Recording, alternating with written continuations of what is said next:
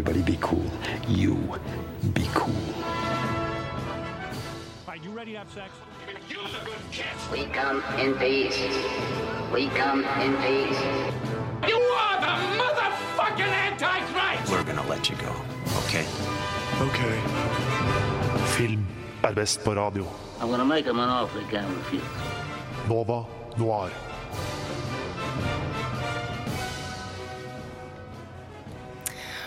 Hei og velkommen hit til Nova Noir, ditt favorittfilmmagasin. Håper jeg. Eh, jeg syns også at Vuxia og eh, montasjes og filmpress er veldig bra, så hvis de er sånn delt førsteplass, så skjønner jeg det. Eh, men tusen takk for at du hører på uansett. I dag så Eller forrige uke så hadde vi en sånn såkalt eh, anmeldelsebonanza, og i dag blir nesten litt likt. Vi skal anmelde tre filmer og en serie. Derav blant annet skrekkfilmen som VG omtalte som kanskje tiårets dårligste skrekkfilm eh, vist på norsk kinolerret. Eh, så eh, det blir spennende å se hva vi syns om den, og mye annet. Eh, med meg i studio så har jeg to flotte sidekicks. Vil dere presentere dere selv? Eh, kan jo det. Olav Haraldsen Roen er mitt navn. Eh, vær hilset. Tone Hafsås. Hei, Tone. Hei. Hei! Hvordan har dere det? Jeg har det veldig bra. Eh, sto opp eh, litt seinere enn jeg hadde planlagt. Men det må man bare ta med strak arm og gjøre det beste ut av. Rakk eh, sendinga med god margin og har det supert. Supert. Tone? Ja, har det veldig bra. Jeg våkna før jeg hadde planlagt, og lå og stirra i taket og tenkte på det her. Så deilig. Deilig, deilig. Eh, vi skal også, siden det er ikke veldig lenge til Oscarene nå, nå er det nå på søndag. Eh, så vi skal eh, mot slutten av sendingen prate litt om kategorien, eh, kategorien ned. Actress in a supporting role and actor in a supporting role. Og snakke litt om hva vi tror kommer til å skje der. Helt riktig. Så det ble en liten sånn, kalla, en liten triade med navn. Det ble liksom en uh, mengde nominerte. Men det ble veldig spennende å se på. Yes. Uh, nå skal du først få høre låta Det hva du ikk. Det er en, det kan du ikke. Det er en dansk eh, hiphop-låt av Pattesutter. Eh, etter det får du filmnyheter. Men eh, la oss høre denne låta. Det kan du ikke. eh, av eh, Pattesutter. Pe per Soda! Pedersutter. Jeg, jeg har en sånn snikende følelse på at det har jeg hørt i en eller annen ølkø på Roskilde. Jeg, jeg tror jeg Mest sannsynlig. Mest sannsynlig. Det er den fineste måten å putte eh, det å sutte på Nei. Eh, eh, Det er da en herlig, naturlig ting. Ja, det er det, men jeg bare syns at måten det, liksom det, det begrepet pattesutter er så Det høres så vulgært ut. Det er helt klart at det er på dansk. Det blir, det blir litt mer slibrig på dansk. eh, pattesutter fikk du i hvert fall der. Eh, jeg sa vi skulle ha nyheter, men vi skal faktisk først bare eh, snakke litt om hva vi har sett siden sist. Bare catche opp med hva vi har gjort. Eh, Olav, hva har du gjort? Eh, jeg har sett på denne fabelaktige Adam Driver-filmen Patterson. Jeg så den på Vika på Når var det var? da? Det var mandag. Og oh my god. Eh, Tale anmeldte jo den hos oss, er det to uker siden nå? Jeg ga den åtte av ti. Shit, jeg hadde gitt den ni av ti. Den var Oh. kjempe, kjempe, kjempebra. Jeg tror ikke den er for alle. Litt stillegående, eh, veldig sånn skildrende. Mer enn Det skjer ikke så jækla mye, egentlig. Det er mer på en måte bare et sånn lite innblikk, et fragment av et veldig sånn vane eh, vanaktig menneskeliv. Ja. Veldig, veldig, veldig veldig fin. Eh, Adam Driver spiller fabelaktig. Den ser, er veldig eksistensiell. Eh, Ja, det er jo så mangt, det er jo det. Men eh, jeg syns den Nei, den var fin, altså. Den var veldig poetisk. Eh, den han er jo poet, er han ikke det? Jo, akkurat det. Det passer så godt. Det var, nei, den er dritfin. Den uh... Altså, hvis du liker litt sånn stillegående, skildrende, god kunstaktig film, så sitter den godt, altså. For det jeg lurer på når jeg hører Adam Driver er, Jeg er veldig glad i han, men han er, har jo en tendens til å ha denne samme typiske sånn quirky, weird guy, men lovable, sånn som i Girls og i den uh, Inside Louis Davis. Riktig. Um, Jeg føler ikke at han var samme person i det hele tatt. Jeg hadde en sånn merkelig respekt for den karakteren. Okay. Han var en sånn uh, Kall ham working man's poet. På en veldig sånn der eh, fin og eh, litt sånn sårbar måte. Veldig Nei, digga det. Digga det. Serr, dritbra. Da vet jeg hva jeg skal se så snart som mulig. Tone, hva har du sett nå? Ja, i tillegg til Trainspotting, som jeg skal snakke litt om seinere, så har jeg egentlig binge-watcha eh, Downton Abbey. Oh, ja, Så- been there. Ja, mamma elsker jo det programmet, da, så da tenkte jeg skulle gi det en sjanse. Og det er jo akkurat så klissete og klisjéfullt som du tror, samtidig som det er veldig sånn fint. Gammeldags, britisk. Ja, jeg liker det, altså. Jeg liker det et eller annet med Victoria-tiden som bare det, Den lille anglofile Olav som bor inni meg, han bare blir veldig fornøyd. Det er så Jeg liker hvordan de kler seg. Det er et eller annet med litt sånn adel som er litt stas, sjøl om jeg personlig er jo ikke sånn kjempeglad i adel, men det er liksom, hvis man kan se på det litt sånn historisk bakeblikk, så er det litt sånn sjarmerende og tøft. Ja, man vil jo ha sånn sofa som de har også, da. Hvis det er én ting, man- hvis det er én liksom. ting man vil ha, så er det den sofaen. Nei, shit. Ja, men det er kjempe så bra. Jeg føler liksom at det er litt obligatorisk at alle som er over 40, de liker dans. Ja, liksom- men jeg skjønner det, altså. Ja, ja sjæl. Jeg syns det er veldig spennende liksom sånn derre Fordi eh, som kvinne, da Så Nei, eller sånn hvordan kvinnene hadde det der, sånn undertrykt seksualitet. Ikke bare for kvinner, men menn også. Og så se den derre uh, Hvordan kommer vi oss eh, over det, og Ja, for de jobber jo eh, med å få det til også, på en måte. Du ser jo Mm. at eh, disse tre søstrene har jo hver sine måter å prøve å komme seg litt opp og fram, da. Mm. For de møter jo på en måte standardene i samfunnet, og er ikke så fornøyd med det, da. Og det liker jeg å se. Veldig tøft. Eh, jeg har sett eh, en, ny Netflix-serie som heter eh, The Abstract. Skit. Og jeg vil bare liksom si til hvem som helst som har en liksom skaperglede i seg, og hvis de føler at de kanskje har mistet litt motivasjon, se den. For jeg ble så enormt inspirert av den. Jeg satt og Jeg, jeg tok jo tipset ditt, for du tipsa meg om Ja. det går, Miriam. Og jeg var sånn der Fy fuck, det her hørtes så bra ut. Så jeg satt og Som den lille pretensiøse tullingen så satt jeg og drakk kaffe og spilte gitar et, uh, i går før jeg, før jeg la meg, da. Og så på det. Og det var så bra. Er det ikke kult? Jeg likte spesielt første og tredje episode. Jeg syns andre episode, som handler om han som har disse Air Jordan-skoene Mm. jeg, jeg er ikke så veldig glad i sneakers, ass. Så Jeg syns den var ja, men jeg, jeg skjønner, Fordi jeg syns Mm. den var interessant, men eh, jeg fikk litt den følelsen at Ja, det var liksom det var helt grei. Men jeg var ikke sånn oh, nå ble jeg inspirert til å lage sko. Nei, ikke sant. Det er liksom forskjell på produktdesign og andre ting. Men uh, det var veldig bra produsert. Mm, Ja, veldig. veldig. For jeg synes den, den handler jo om da forskjellige artister innenfor forskjellige kunstyrker. og, så han- og så uttrykket for hver episode er forskjellig ut ifra liksom, artisten. Så i den første så handler det om en illustratør, og da du ser at den preges veldig av hans kunst, og i på en måte form òg, da. Ikke bare innhold. Veldig. Det er veldig kult. Det rent filmatiske er veldig sånn skreddersydd til den personen og det virket som skildres. For eksempel den um, introen som er i før tredje episoden, Mm. er jo som en sånn stellarly klippa bra musikkvideo. Mm. Sånn er klippa i takt med musikken og dritgode bilder og nei, veldig, veldig bra dybdeskarphet. Men det er liksom type uh, den eh, visuelle kvaliteten du kan forvente av en Netflix-serie som for eksempel Chef's Table, bare Ja. satt i liksom en nye rammer, da. Men det var akkurat det jeg tenkte, fordi det er, liksom, det er, chef, det er Chef's Table, bare for liksom kunstnere, da.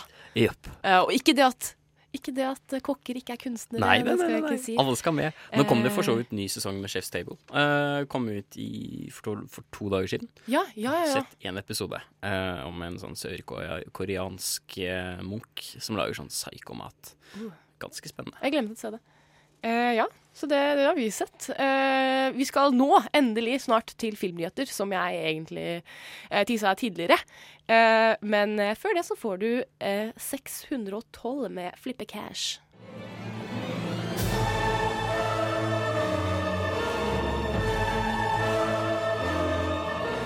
Well, hello, Mr. Fancy Pants. I got news for you, pal. You ain't leading but two things right now Jack and shit. Jack left town. Nova Noir gir deg ukas filmnyheter. Yes. Olav, har du noe til meg? Filmnyheter. Romet Webbit. eh, Funnet litt eh, kuriositeter. Nei da, men nå like over nyåret så ble det lansert at det var en hel haug med Disney-filmer som skulle bli gjort om til live action. Og hvor mange år det var, Tone? Var det 17? Ja, 17 15 stykk. Jeg tror vi ranta litt om det Ja. for noen sendinger siden. Ja, riktig. Nei, vi vi har snakka litt om det både når det kommer til eh, live action remakes, men også at liksom, Disney Kan ikke det lage litt originalt shit, da? Det hadde jeg satt pris på. Men i hvert fall nå har det blitt casta litt forskjellig, og i hvert fall det jeg bet meg mest merke i, er jo at denne Kalla, uh, multikunstneren Donald Glover, uh, som har spilt i både Community, men også spilt i Atlanta, hadde vel også en liten rolle i Magic Mike XL. Ja, og, og den derre The Martian spilte han. Jo, eh, riktig. Han Abed, spilte jo smart guy-type. Ja. riktig. Um, men jeg kjenner han egentlig best fra Community. Det var da han starta skuespillerkarrieren sin, og så ble han jo da til en eh, rappedude. Han har jo et rappealias eh, som heter Childish Gambino, som er overraskende bra. Uh, men i hvert fall, hvert fall han har blitt, nå blitt casta som Simba i denne live action eh, ja, versjonen av Løvenes konge. Og så var det vel også originalstemmeskuespilleren til Mofasa, som også blitt kasta, var det ikke det, Tone? Yes, James Earl Jones. Og det er jo ganske fett, egentlig. Men sånn apropos originalskitt, da, så tror jeg Disney prø prøver, hører du? Prøver. For de har jo faktisk tenkt å lage en film om søstera til Snøhvit.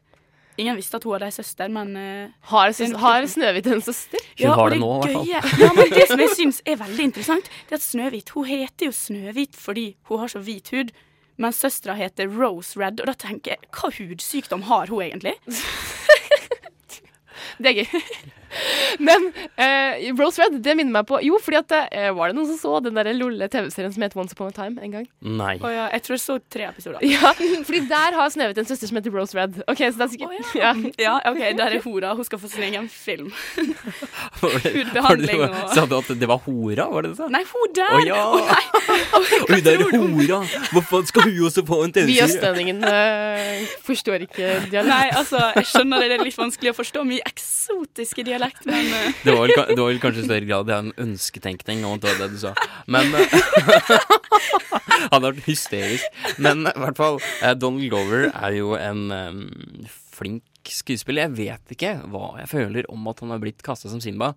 Um, litt fordi han er i hvert fall som kjendis, eller som privatperson, så er han kjent for å være litt douchebag. Hæ? Hæ? Ja, men har du, Fikk du ikke med deg det eh, når han gikk fra Community og skulle kjøre hele Childish Combine-greia? Så var han sånn Fuck, you treat me like shit. I'm so much better than you. Can't waste my talent on Eh, this bullshit nei, jeg tror du blander han med Chevy Chase. Eh, nei, men både med Donald Glover og også mye Men Chevy Chase er jo en egen douchebag factory. Men, nei, jeg har ikke hørt at Donald Glover er douchebag. Jeg føler at han er bare sånn super sweet artist guy som bare må do his own thing. Jeg liker han, da. Men, men jeg, han er litt sånn type Han er litt sånn Cam Newton-aktig, som er sånn quarterback. Beklager. Carolina Panthers. Jeg, jeg tar Eh, ikke den i det hele tatt. Jeg syns han virker sykt jordnær og Ja. fet. Og jeg tror kanskje Men, Jeg men, håper det. Jeg håper han er sånn. Kanskje Men- jeg er feilinformert. I så fall tar jeg selvkritikk. men jeg ser for meg at hvis det var sånn at han var sånn Mm. Dere behandler meg ikke bra, så kan det være fordi at han ikke egentlig ble behandlet så veldig bra. Han ble veldig underbrukt i Ja, forhold til hans tvil. kapasitet i den Uten serien. Ja, Og jeg tror du hvis så ja, jeg Mm. tror at hvis du har følt på det veldig lenge og, følt, og spurt sånn Kan dere være så snill bruke meg mer? Jeg har mye mer å by på. Og gang på gang på gang så putter de han i liksom skyggen. Så sånn, nei, Da gidder ikke jeg det her lenger. Da går jeg og lager dritfet musikk, som han gjorde da. Ja, for så vidt. Men så var det liksom en periode han liksom var på scenen og hata på alt av an, alle andre som var i rap-gamet. Som I'm a fucking rap guard, I'm uh, Tupac incarnated. Var litt sånn, da. Hæ? Ja, ikke, ikke kun Sto der i barings liksom hadde på en måte spraya seg sjøl med en flaske med cava. Bare Øy! Nei. Jo, ikke, ikke kødd. Har jeg helt feil bilde av Ja, ja. Nei, men jeg, altså, jeg, jeg håper at han er sånn sweet, uh, sweet veldig bra artist guy. Uh, jeg håper at han er det, for jeg liker jo karakteren, og det han lager, Atlanta, er jo dritbra. Så jeg håper det, da. Men det er bare kanskje bildet mitt som kanskje er litt dissonant. I don't know. Du ser helt stønd ut, Miriam. Ja, jeg er helt sånn uh, Ja, elsket han. Uh, så nå, ja. Ja. Jeg håper at det er feil. Jeg håper at jeg har feil. Håper at han er en veldig good guy. Håper jeg. Kanskje han bare gikk gjennom en greie. Alle det. Har, Alle har en alle greie. vonde tider. okay. Over til en annen nyhet. Jeg skal ikke snakke bare om Donald Glover i dag. Eh, eh, Rushprint melder at Kongens nei eh, vant eh, Motion Picture Sound Editors Golden Reel Award. Eh, så vant de Best eh, Sound Editing for foreign film. Og det, de mener at dette er den mest prestisjefulle filmen man kan vinne for det. da. Og det Prestisjefilm fyller prisen. Hva var det jeg sa? Fil filmen. oh, ja. Bare, det er ingenting som er mer prestisje enn å konges nei. Men. Eh, jo, ja. Prisen, selvfølgelig. så tøft. Men hvor er det Hvem var det som ga den igjen, den prisen? Uh, det var Motion Pictures Sound Editors eh, Golden Reel, tror jeg det heter. Eh, Ja, riktig, sånn. riktig, riktig. Men de var i kategori med L, eh, Neruda og The Handmaiden, Tony Erdman uh, og Under the Shadow. Oi, det Så det er jo ganske mye bra filmer som var i den. Det var jo en ganske grei samling, for å si det på den måten. The Handmaiden fikk jo Jeg tror den fikk ti av ti av oss eller noe, ja, da vi anmeldte den på festival i fjor. den. Jeg har fortsatt ikke sett den. Men den har ikke kommet ut. Uh, Den var på festival. Den var Mm, på hva var det, Film fra sør i fjor. Riktig. Og så har den ikke vært å se siden. Dessverre. Uh, og den fikk jo ikke noen Oscar-nominasjoner, som mange mener var en snubb. Men, ja, fordi den kunne blitt nominert i år. The Handmaiden, ja. Jeg tror, jeg tror det. Eh, Ja. Jeg leste i hvert fall at det var mange, som følte at den burde blitt det. Ja, for det er så mye, det er så mye tull med release dates når når det kommer til hva vi har fått her i Norge, i USA, og når den er en, er en kinesisk film, er det ikke det? Koreansk. Koreansk, riktig. Så- Eh, så er det på en måte Det blir så mye forskjellige real estates, Det er litt vanskelig å holde oversikt over alt. Ja. Uh, men, uh, men herregud, det høres ut som en dritbra film. Jeg må få sett den i hvert fall. Ja, visuelt i hvert fall helt nydelig. Jeg har hørt at den er litt sånn type Assassin-aktig. I hvert fall visuelt. Ja, fordi det er jo Ja. Assassin, var det det du Mm, sa? De ja, det er jo Ja. Mm. Det er jo han Er det ikke han Buk uh, Wook Chan? Jo, Sier jeg feil? Oldboy-regissøren Ja, riktig. Jeg får aldri til uten å ta det navnet hans heller. Eh, men ja, det er jo riktig samme, samme type. Eh, så han er jo hevnmasteren. jepp. hevnmasteren. Men he- heter det ikke Fordi serien hans heter vel sånn Hevntrilogien? Eller den kaller det tematisk Riktig. trilogi, da. Dritbra, da. Mm. Det er jo Herregud, herregud. Yes, eh, Jeg tror ikke det var så mye, mye annet eh, å komme med, eller? eh, Det har skjedd. Det er veldig mye ny trailer til ny superheltfilm. Å, hva tror du? Det er veldig mye Og så er det veldig, på grunn av Oscaren er på søndag, så Ja, er det veldig mye snakk om det. Eh, så vi holdt oss til de to tingene her. Kongesnei, har du sett den? Har dere sett den? Nei. Nei. Eh, Latterlig at vi sendte den som vår Oscar-pitch. eh, to be honest. Nei da. Eh, vi skal over til Jeg tisset jo at vi skulle snakke en del, eller ha en del anmeldelser. Eh, det skal vi nå etter Bil av Psyched Kick Kids. Der fikk du eh, Psyched Kit eh, med bil, og nå skal vi over til ukens første kinoanmeldelse.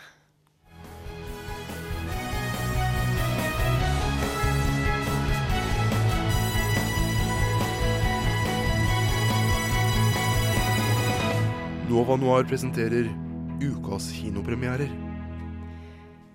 Tone, du har vært og sett uh, Trainspotting 2. Ja, det har jeg. Ja. Eh, Det er jo 20 år siden den første kom ut. Eh, Faktisk det året jeg ble født, så jeg følte jo meg veldig ung når jeg satt i salen der, da. Eh, Men den er Jeg så eh, den første Jeg har visst sett den for noen år siden, men jeg hadde glemt at jeg hadde sett den, så så jeg den på nytt nå i helga da, for å ha den litt sånn friskt i minnet. Og ja, det var, det var gøy. Hello, Mark. So, what you been up to for 20 years? Choose life. Choose Facebook, Twitter, Instagram, and hope that someone, somewhere cares. Choose looking up old flames, wishing you'd done it all differently. Do you still take heroin? No. And choose watching history repeat itself. Choose reality TV, slut shaming, revenge porn. Choose a zero hour contract, a two hour journey to work, and choose the same for your kids, only worse. And smother the pain with an unknown dose of an unknown drug made in somebody's kitchen. And then take a deep breath. Ja, det har altså gått 20 år siden Mark tok alle pengene og stakk av fra vennene sine. Og nå kommer han tilbake til Edinburgh, tilfeldigvis på ca. samme tid som han Bagby flukta fra fengselet. Og ja, det tar ei lita stund før de finner ut at den andre er der og helvete bryter løs. Og før det så får vi jo møte igjen de to andre hovedpersonene, Spud og Sickboy. Så eh, det er det med filmen, den filmen her, da Jeg føler at den på en måte handler ikke bare om liksom selve de hendelsene som skjer, da. Det høres kanskje litt rart ut, men den handler veldig mye om situasjonene deres, føler jeg. For det har på en måte gått litt sånn som man tror det kommer til å gå, da, etter den første filmen. At uh, det går greit med en Mark, sånn forholdsvis greit, i hvert fall. Uh, Sickboy er Han er jo svindler på fulltid, og det er det han livnærer seg av. Mens Spud, stakkars, er i et heroinhelvete enda. Mens han Bagby er der alle trodde han kom til å være, i fengsel, og har vært der i 20 år. Så eh, ja, det eh, Hva skal man si? Men, men, men fordi nå snakker du om at det liksom levde opp liksom, Alle er der de, du trodde de skulle være. Men kom det med noe nytt? Var det noe sånn derre Yes, nå ser vi noe eh, Dette her lengta jeg etter å se. Ble du overrasket? Um, jeg vet ikke helt om jeg kan si jeg ble kjempeoverraska, for den var litt sånn som forventningene mine, da. Men de har jo fått med én ny hovedperson, og det gjør jo at filmen ikke blir for lik den første historien. Det er ei som heter Veronica, som er bulgarsk eskortepike. Og Sickboy ser jo på henne som kjæresten sin, noe hun ikke er helt enig i. Men uh, hun gjør i hvert fall at filmen blir Altså, det blir jo en annen historie, men den er på en måte det den skal være. da. Den skal være en nostalgisk eh, Altså et nostalgisk tilbakeblikk til eneren, og bare vi- vise hvordan de har det nå, da. Litt sånn Mm. midtlivskrise og ja. Men følte du, for det blir jo en annen dynamikk der igjen med tanke på at det har gått 20 år, og denne nye karakteren. Men føler du på en måte at uh, toeren kan stå på egne bein, og at den på en måte ikke er helt avhengig av forhistorien som eneren ga den? Den er nok litt avhengig av forhistoria, tror jeg. Men så tror jeg også det er bare det den er beregna for å være. Jeg tror egentlig ikke de har laga den filmen med tanke om at masse folk skal se den som aldri har sett Trainspotting før. Men jeg syns Jeg tror den hadde vært ganske kul for nye seere også, på en måte. For skuespillerne er veldig flinke. Og eh, ja, rollene blir veldig morsomme og veldig sånn spesielle, da. Det får med mye bra på rollene. Men sånn rent narrativmessig, føler du at det har en, eh, det, en driv, noe nytt å fortelle, annet enn bare shit, 20 år har gått, eh, vi er var venner, er ting har skjedd. Ja, ikke sant? Har det på en måte, har det en historie å fortelle, eller er det bare en sånn god gammeldags smørje av nostalgi?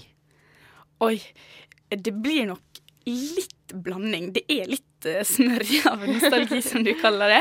Men altså, jeg syns den er interessant, da, fordi eh, den begynner jo å innse at de blir gamle. Og nettopp det gjør jo at det oppstår veldig mange nye problem. På en måte, Mark har fått påvist en hjertefeil, og mens han finner jo Spud mens han prøver å ta livet sitt. Og mens de to andre Det blir jo kanskje litt sånn altså, Begge vi har jo satt i fengsel hele tida, og Sikbo er jo bare kriminell. Men jeg føler i hvert fall det blir mye nye problem da, når Mark kommer tilbake. For han vil på en måte ja, Han vil jo på en måte eh, nå litt tilbake til vennene sine på en måte, men han er jo Han vet jo at det er litt sånn longshot, da, når han Ja. gjorde det han gjorde, på en måte. Ja, ja, ja. Det, Tøft. Men hva med sånn type lyd, bilde? Eh, var produksjonskvaliteten on point?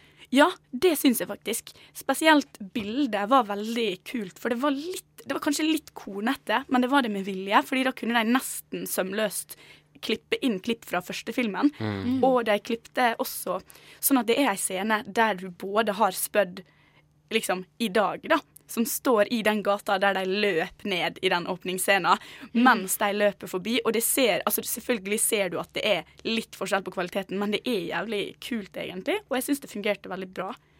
Og lyden, sånn musikkmessig, så var det også veldig bra, for de hadde tatt med mye av den samme musikken, men de har også gjort det litt annerledes. Og så er det jo veldig sånn Begge filmene er litt sånn energibombe, og musikken eh, Jeg føler musikken understreker det. altså det blir, Du blir ganske gira, og i hvert fall jeg satt jo og flira bare gjennom store deler av filmen, egentlig. Det er mørk humor, men det er gøy. Men bruker de de samme liksom, eh, visuelle eh, uttrykkene? Og da tenker jeg spesielt på den veldig kjente scenen med eh, når han går ned i, i doen. uh, I den første Mhm. filmen, og er liksom plutselig under vannet. Uh, uh, liksom den Det er liksom litt sånn absurde hva, heter, hva kaller man det egentlig? Det er liksom Det er jo ikke ek, det er jo ikke realisme, liksom, det. Nei, men, men han kaprer den følelsen av det narkotikaen gjør, da. Ja, altså Det er de det, en det? helt annerledes eh, Altså Akkurat sånn så er den ganske annerledes, for det handler ikke like mye om narkotika. Det handler mer om rett og slett at han skal starte et bordell. og, Men det med eh, Det er ei scene. Det er da Spud prøver å ta livet sitt. da. Den er på en måte det som kan komme nærmest den scenen med doen, da, på en måte. Er det den som er i traileren? Den når han Ja. liksom faller bakover? Ja, da ser du i traileren, for han har Han holder på å bli kvelt. Han har satt en plastpose rundt hodet sitt.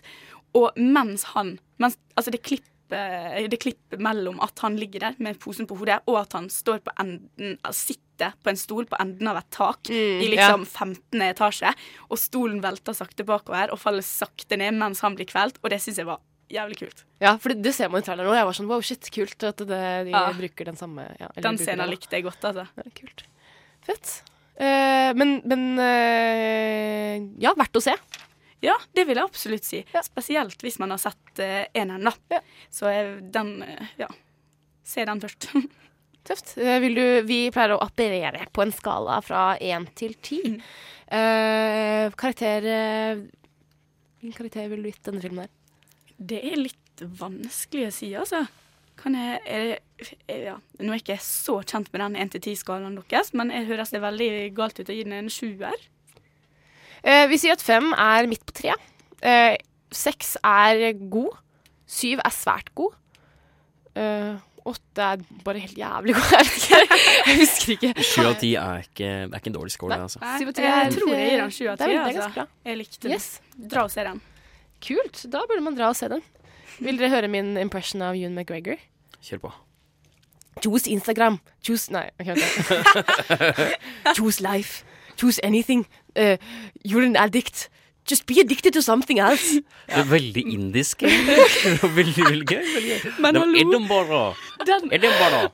Nei, OK. Be addicted to something else. Men det jeg glemte å si. Jeg tenkte litt på den scenen der, egentlig. At Ja. den, den funka ikke så bra som den kanskje var tenkt å funke. Nei. Fordi, altså selvfølgelig, det var, den var jo veldig Den scenen var 100 nostalgi bare, da, følte jeg. Fordi at den ble veldig sånn Vi tar den med. Og så den bare Ja, hvorfor skal vi ha den med? Nei, fordi vi må. Det blir litt sånn for min del, da. Men eh, ellers mye bra tilbakeblikk. Ja. Instagram. Ja. Uh, greit. Syv av ti til Transporting. Uh, vi har tre til anmeldelser eh, senere, men først så får du Lekende lett med Nike. Nike der av Lekene lett, inspirert av eh, f- regner jeg med, og kanskje Shia LaBeouf. Jeg vet ikke. Eh, vi skal over til eh, neste anmeldelse.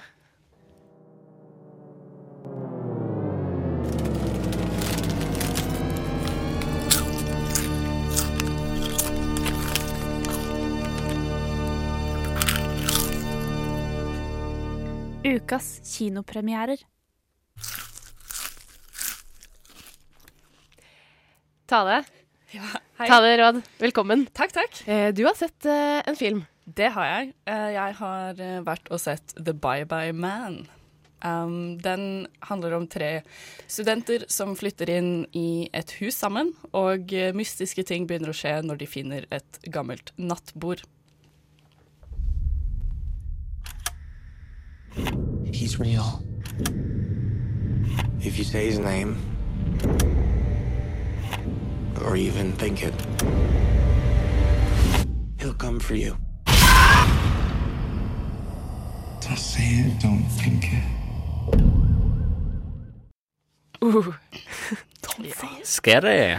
Veldig skummelt. um, altså, det er vel uh, litt sånn kjent historie, kanskje. Eller sånn De finner jo da alle møblene i kjelleren på det, i det huset her. Så er det eh, blant det et nattbord, som jeg sa. Mm. hvor hovedpersonen, spilt av eh, Douglas Smith, han heter Elliot i filmen um, de har jo innflytningsfest, og så er det en sånn rar greie med en sånn mynt som driver faller ut av uh, nattbordskuffen, sånn på undersiden av nattbordskuffen. Så han drar den ut, og så finner han masse sånn skriblerier i, eh, på innsiden av den skuffen. Da. Så river han av en sånn plastbit, og der står det 'The Bye Bye Man'. Så de skribleriene rundt er jo sånn Don't think it, don't say it, i sånn sirkler om og om og om igjen. Og det er liksom premisset sånn at hvis du vet navnet på denne skumle karakteren, så vet han at du vet det, og da kommer han og dreper deg. OK, Ja. wow. Men, men også, da må man bare tenke 'don't think it, don't say Ja, it'. Istedenfor å liksom tenke the bye bye man, så må man si, ha en sånn mantra, da. Ikke tenk det, ikke si det, ikke tenk det, ikke si det. Men kan man kalle han noe annet? Kan man si da 'the boogeyman'? Uh, kan man bare sånn OK, når, fordi, at, fordi at jeg- jeg tenker at dilemmaet blir jo da når de skal snakke om det eller prate, finne ut av det, så kan de ikke si navnet eller tenke på det. Nei. Hva om de da bare helt fra starten av tenker OK, vi bare bytter ut The Bye Bye Man med The Boogeyman eller eh, Mr. President, jeg vet ikke. Det er. Interessant. Det, Eh, det hadde ikke jeg tenkt på, men men det hadde kanskje vært en løsning. Jo, jo, de hadde husket det, men, men, men jeg i hvert fall erfarer at hvis jeg bytter ut et navn lenge nok i hodet mitt, så bare blir det det navnet. Litt sånn Problemet er jo at de finner jo ikke ut at det smitter på den måten før etter en stund, så de okay. Driver jo og snakker med diverse folk om det, sånn typisk sånn bibliotekaren på skolebiblioteket, fordi de har jo eh, en sånn eh, en sånn scene hvor han skal gå og finne Han må gå til eh, biblioteket for å Ja, søke etter de gamle kildene, og søke på internett og sånn Google-søk og liksom Ja. Sånn at det sprer seg jo, og det er liksom litt av eh, på en måte greia, da. eh, at det sprer seg litt som et sånn virus. Og at man må liksom For å bli kvitt The Bye Bye Man, så må man faktisk kvitte seg med alle som vet navnet. For, liksom, for at det skal slutt få Ja. En stopper for det. Altså kvitte seg, tenker du på en måte du må knerte Ja. Wow, Ja. shit. Og så er greia litt også at de her, så lenge han har liksom kommet inn i hodet ditt, så begynner du å hallusinere. Litt som også sånn, akkurat som at du får sånn feberfantasier, på en måte, sånn at du blir litt sånn syk. Så du ser liksom eh, masse nasty ting og eh, ting som på en måte gjør at du f.eks. går midt ut i veien for å redde en døende familie som bare ligger der, og så blir du påkjørt av noe, ikke sant. Så du er sånn- ja. Så det er ikke et monster som kommer og tar deg? Jo, det er det også. Det er begge det. Ja, ja. Hvor er denne filmen? Uh, uh, ja, men eh, var det skummelt? Nei. Altså sånn, jeg er veldig glad i skrekkfilm. Men jeg, altså, sånn, jeg er, um, når jeg går på skrekkfilm alene, som jeg gjorde i dette det tilfellet, så er det sånn, jeg sitter veldig gjerne ofte med hendene liksom foran ansiktet og ser gjennom to pekefingre og sånn. Men det gjorde jeg ikke noe i det hele tatt. Oi. Det var ikke noe som bare sånn Altså sånn, de prøvde ganske hardt sånn det, Men det var så Alt hadde man sett før, liksom. Ja. De dro klisjé etter klisjé etter klisjé, og det er bare sånn du visste nøyaktig hva som kom til å skje når, det kom til, når det kom til å skje, liksom. Eh, så det var ikke noe sånn der spenningselement egentlig i det hele tatt. Og um, jeg føler sånn det de um, på en måte lente seg på, da, var at de trodde at de hadde liksom funnet um, funnet noe nytt da, med at han går liksom inn i hodet ditt og fucker med hodet ditt, Ja. på en måte, og følger etter deg fysisk. Men sånn, ja, er, hun regissøren heter Stacey Title og uh, står blant annet Altså sånn, hun har laget en del skrekkfilmer før, blant annet The Last Supper fra 1995, som Ja, og Snoop Dogs Hood of Horror fra 2006. Ja. Hun sånn- holder hun holder det ekte. Ja. Hun holder det ekte. Uh, så dette, altså The Bye Bye Man er kanskje den filmen Det ser i hvert fall ut som at det er den filmen hun har fått mest penger for å lage, da, eller det er den som har høyest produksjonsverdi. Jeg føler sånn Det er det eneste som går for den, holdt jeg på å si. Så liksom- Jeg skjønner ikke. uh, Unnskyld. Ja, men lyd og bilde var greit, da. Ja, sånn lyd Ja. og bilde, det ser OK ut. Effektene var ikke bra. Det er liksom, men sånn uh, De har et godt kamera, og det er liksom De, de har ikke godt kamera. det er ikke Utrolig sånn liksom- bare minimum av å lage film. Veldig bare minimum. Uh, musikken husker jeg ikke i det hele tatt. Skuespillet var ganske dårlig. Eller ja, skuespillet var ganske dårlig i tillegg til at manuset var helt forferdelig. Sånn, det var så mye unødvendig eh, dialog og unødvendige replikker at jeg bare sånn Eh, Og så virker det litt som sånn, fordi premisset fører til, som du sa, at man må bare utsette alle som har kjent om det her. Og da er det ikke noe spennende, for da Nei. vet du jo hvor du så, det, er ikke noen mulighet for Nei. å gjøre noe her. Og så føler jeg liksom at hun um, Stacey Title har sittet på internett på sånn skrekkfilmgenerator og sånn plottet inn et eller annet og fått opp sånn uh, ja, en generisk sånn boogeyman-aktig karakter. Og husker dere det internettgreia som var sånn meme, som var The Game? Riktig. Så der, du har Ja, ja, tatt det det med en gang du Ja. tenker får- på det, liksom. Jeg får litt sånn type Det er, det er sånn, og så bare ble Hvis du tar på en måte fyser Freddy Kruger og The Game Ja, så ja, får og litt Slenderman ja, inni ja, ja, der. Veldig, veldig. Det hørtes jo sånn. horribelt ut. Ja. Eh, nei, og narrativet hørtes ikke noe særlig ut. Eneste var vel teknikken, da. Var- Ja, la oss si sånn Ja. hmm, litt. Ja. Men uh, jeg føler Nei, nå glemte Men jeg hva jeg hvis skulle si. effekt liksom, hvis, Ja, OK, det er bra kamera, men hvis effekten ikke gjør at det er skummelt, Nei. så har du på en måte feilet både visuelt også, Ja. i en skrekkfilm, Man har jo egentlig det, fordi det var ganske elendige dataeffekter også. Jeg føler sånn, Hvis man skulle Hvis man til dette punktet, da, som den filmen her gjør, bruker så sykt mange skrekkfilmklisjeer Eneste grunnen til å gjøre det, er hvis du greier å gjøre det så mye bedre enn alle andre. Typ sånn Conjuring-greide i 2013, Ja, ja, ja. liksom. Mm. Mens det her var bare sånn Det var klisjébonanza, liksom. Det var sånn OK, de finner et, et gammelt objekt, og så begynner rare ting å skje. De tilkaller en sånn psychic person som har en seanse i huset. Andre ting begynner å skje. De må liksom til uh, kilden. De må oppsøke en eller annen sånn rar uh, ekspert og liksom loke rundt. Og så bare Nei, det var helt Ja, det hørtes som Ja. det eneste som de hadde gående, var at de hadde fått med seg Carrie Ann Moss, uh, altså hun som spiller Trinity i uh, Matrix-filmene, oh, ja, til ja, ja, en politibetjent. Hun gjorde en decent jobb med Ja. det hun hadde, i hvert fall. Det er vel det eneste. Var det nok til å gi den uh, god karakter? Eller på en skala fra en til ti, hvor faller denne filmen? Altså, de hadde litt penger. Jeg skal gratulere dem med det. Og de hadde Carrie Ann Moss. eh, det blir to av ti. Ja, to av ti. Det er jo det er en tøff karakter, men det hørtes ut som den fortjente det. Den har altså premiere i morgen. Ja. Ikke gå og se. Da se heller 10-2.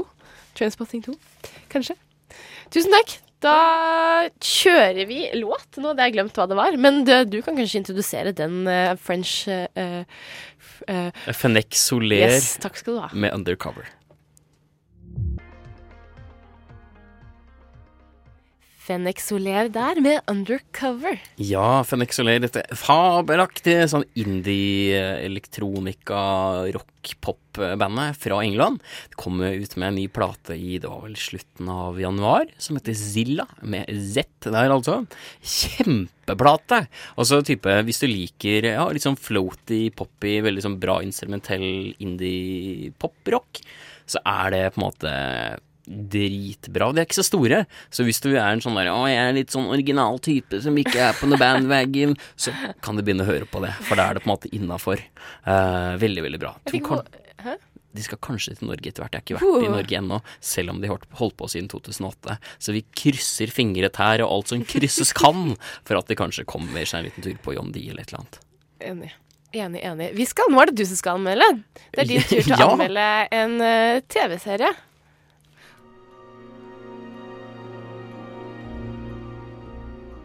Ukens kinopremierer.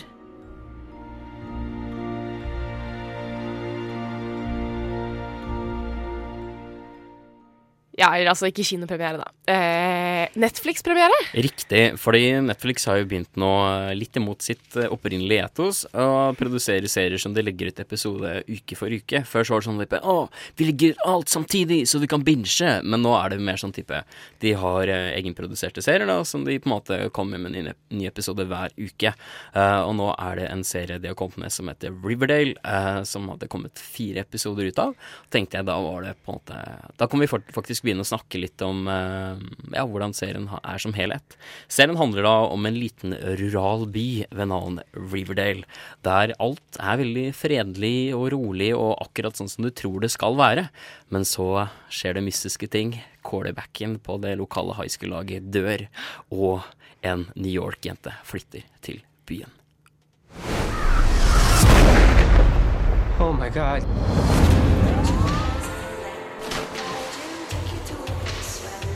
Every corpse has a tale to tell, and this one has the touch of evil. Archie, a kid is dead. I saw you guys. How you feel about me? Is it real? I'm asking you right now if you love me. Who are you lying to? I'm breakfast at Tiffany's, but this place is strictly in cold blood. This should be fun. Did you and Donnie Darko kill him together? Nothing this bad was ever supposed to happen here.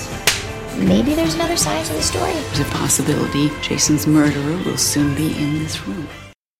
Ja, det høres jo veldig sånn eh, dramatisk ut. Men dramatisk på en veldig sånn type mellow, litt sånn forutsigbar måte. Fordi det de er veldig flinke til i Riverdale, eh, er at de tar jo en trope. De tar jo en sånn veldig sånn et kjent rammeverk, da. Som er den derre high school-aktig small town-historien. eh, med noe, et drap, da. Noe mystisk som, mystisk som skjer. Man føler jo man har hørt denne historien, eller sett historien, veldig, veldig mange ganger tidligere. Men de spiller så godt innenfor de veldig satte rammene, da. Eh, det som da skjer, er jo at eh, Hva skal man si? Det er på en måte en satt gruppe mennesker som man følger, da. Det er jo denne litt sånn ja, utskuddaktig protagonistgutten da, som liksom har kommet inn i varmen på fotballaget. Uh, og så er det litt sånn uh, De har en veldig sånn spennende måte at de bruker en karakter som heter Jughead, som er liksom uh, run of the mill, kreativ emo-boy, som liksom driver skriver på en bok da han skildrer liksom er på en måte stemmen som forteller historien. men ikke på en sånn veldig sånn derre ah, selvfølgelig ikke sånn der Gossip Girl-aktig måte, men mer sånn type Det er litt kreativt. Men jeg tenker litt på Da Mm. tenker jeg med en gang på Lucas fra One True Hill. Ja, ja, Fordi han også er sånn derre Å, det er litt sånn kreativ og alltid sånn quote. Ja, Lucas er jo ja, eh, heldigvis bedre enn eh, hvordan One Tree Hill løste det. Hei, det som er, Nå skal du du, jeg, jeg, har sett, jeg, jeg, jeg har sett fire sesonger, da. Jeg har sett fire sesonger. Uh, men, Mer enn meg.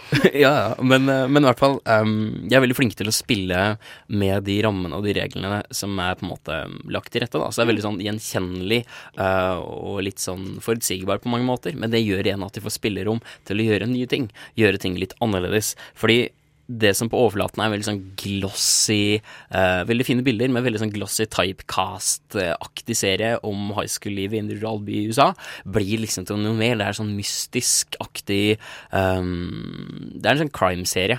Veldig mye hemmeligheter uh, og veldig, veldig godt skuespill. Veldig, veldig, veldig godt skuespill. Jeg må spesielt uh, to av foreldrene til denne kalla high school-vennegjengen. Mm. For det er jo da snakk om Archer, som er hovedpersonen, som er denne ja, outcast, blitt fotballtype fyr. Mm. Uh, og så er det da snakk om Betty Cooper, som er liksom love interest De har en sånn type Ross and Rachel-aktig forhold. Liksom, De kan ikke ha hverandre, men de vil egentlig ha hverandre og masse tull.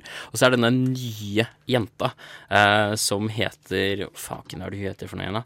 Um, hun heter i hvert fall eh, Nei, jeg husker ikke helt hva hun heter. Jo, Veronica Lodge heter hun. Uh, som på en måte kommer inn og på en måte skaper furore på high school. Men det er jo disse foreldrene til både Betty Cooper og til uh, Archie som er to fabelaktige skuespillere som spiller veldig, veldig, veldig veldig godt. Uh, da er det jo utgangspunktet Skal vi se om jeg Nå har jeg bare se gjennom notatene mine veldig eh, fort eh, her. Eh, skal vi se finner jeg det jo fuck pakker ikke. Men i hvert fall både det, er- det, er synd og skam. Men i hvert fall eh, de hode, på en måte, foreldrene i historien spiller veldig, veldig veldig godt.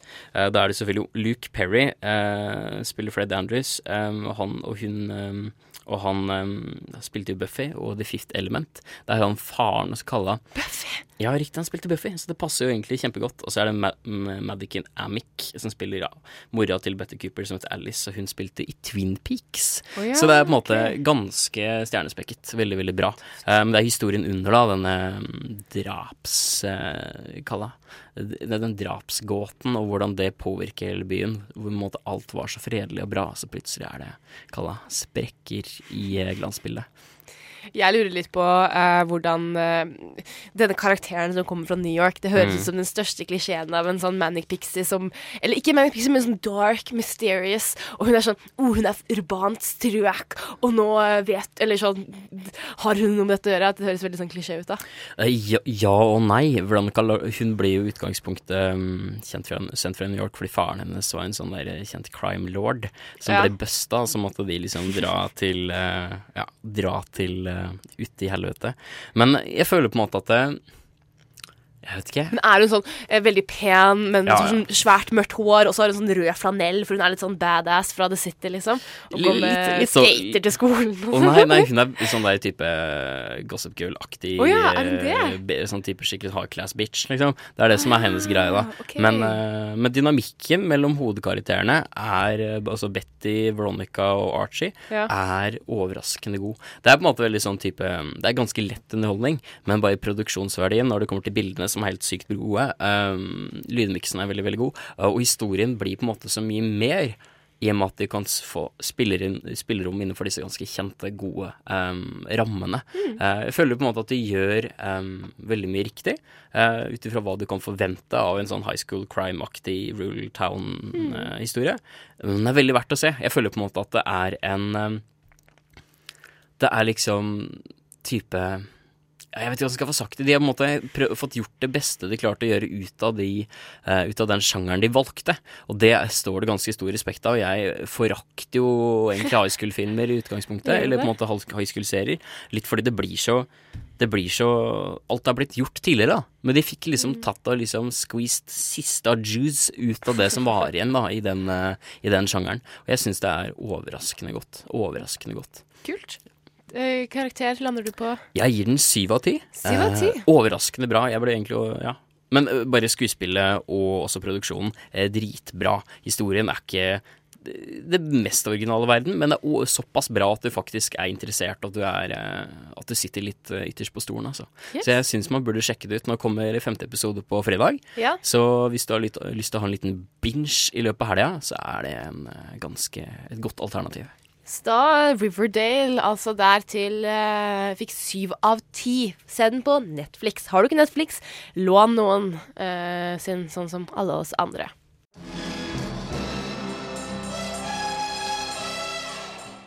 Ukens kinopremierer.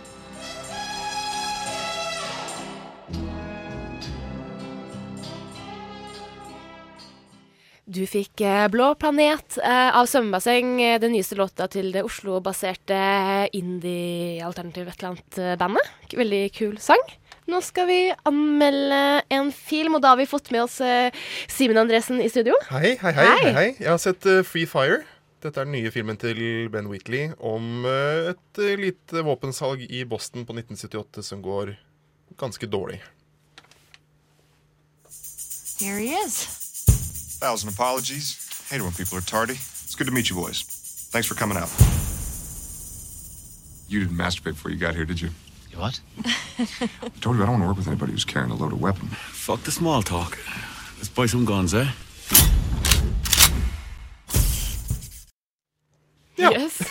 Spy some guns, eh? Det er faktisk, fun fact, første gang jeg faktisk har hørt noe fra traileren. Jeg gikk inn i den Ja. filmen helt sånn Helt uforberedt. Er det sant? Hadde du ikke lest noe om den, eller? gikk, jeg, helt uforberedt er feil, men fresh mind, da. Jeg gikk inn bare Ja. for å bare få en opplevelse. Kult. kult. Og eh, OK, så plottet er de skal kjøpe, de skal kjøpe våpen, Mm. eh, og det går ikke helt som planlagt. Mm. Det er en, eh, det er en satt 1978. Mm. Det er et par irer som kommer fra Irland. Litt sånn eh, RAF-bande fra Irland som skal kjøpe våpen. Så de kommer da til USA. Den banden består av eh, noen roller spilt av Killian Murphy. Eh, og eh, også har vi Michael Smiley, som er igjen i alle av Ben Wheatleys filmer. Eh, de skal kjøpe våpen. De som selger det, er noen amerikanere. Det er mye, mange folk i denne filmen her, mange karakternavn. Ja. Men de skal kjøpe av amerikanere som selger våpen. OK. Mm. Uh, jeg hørte Bree Larson inni der. Ja, riktig. Ja, for hun, hvem, hvem er det hun er? Hun er, hun er en slags mellommann, så hun er hun som setter opp møtet mellom disse to bandene. OK, ok, ja, for hun er amerikaner. På, ja, hun er amerikaner, og hun er på begges lag, da. Okay. Hun er egentlig bare der for å la at handelen skal gå igjennom, rett og slett. Ja.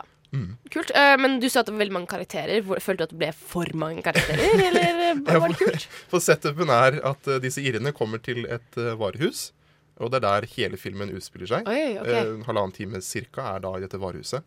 Så det er liksom litt sånn kammerspill, da? Litt kammerspill, ja, Ah, faktisk. Så man får et veldig intimt forhold til hvordan dette, dette ene store rommet i dette varehuset er bygd opp. Med vegger her og søyler der og sånne ting. Eh, Men ja, det er mange karakterer. Det er eh, tolv menn og en dame, eh, rett og slett. Yeah. Som alle er interessert i å ha forskjellige, forskjellige mål da, med hvordan dette våpenkjøpet skal gå ut. Okay. Det er snakk om en koffert med penger, og så er det snakk om mange kasser med våpen. Så det er mange som har ulike ønsker. da. For Mye som kan skje der, for å si Ja, det sånn. absolutt. Eh, men det er en komedie, eller? Eh, ja. Ja. Jeg- var litt bekymra før jeg gikk inn, for det her er jo da mange folk som skal skyte hverandre. Ja. Det første jeg tenker om om det er et rom fullt av folk som skal skyte hverandre, er kanskje ikke at det er en komedie. Men det virker litt som om Ben Wheatley eh, nøler litt med det å faktisk drepe noen. Han vil heller se dem bli skutt i steder som er på filmspråket ikke dødelige. Så det er veldig mange som blir skutt i skulderen, oh, ja, i ja. låret. Mm. Mye banning. For da liker han kanskje å utsette disse karakterene for smerte, så de kan spille på det, da. Eh, For humor, liksom. For humor, ja. Mm. Riktig. Så det, er, det går for å være en morsom film. Det gjør det. Det går for å være en morsom film. Ja.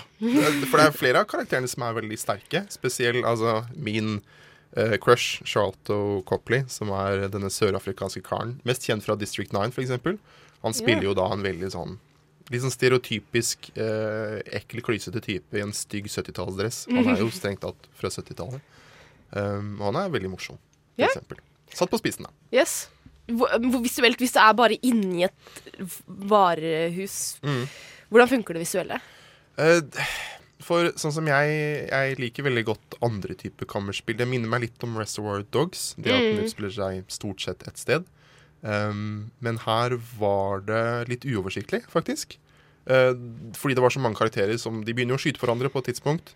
Og de ligger rundt, så man skjønner ikke helt hvor de er i forhold til hverandre i dette varehuset. Nei, for Det høres egentlig ikke ut som det får noe tid til å bygge opp eh, noe karakter, altså bygge opp karakterene, eller forholdene mellom karakterene, eller Mm. Så, så det starter med kanskje litt sånn build-up på en 20 minutter, 25 minutter. Mm. Og da får man en veldig sånn rough idé om hvordan disse karakterene er i forhold til hverandre.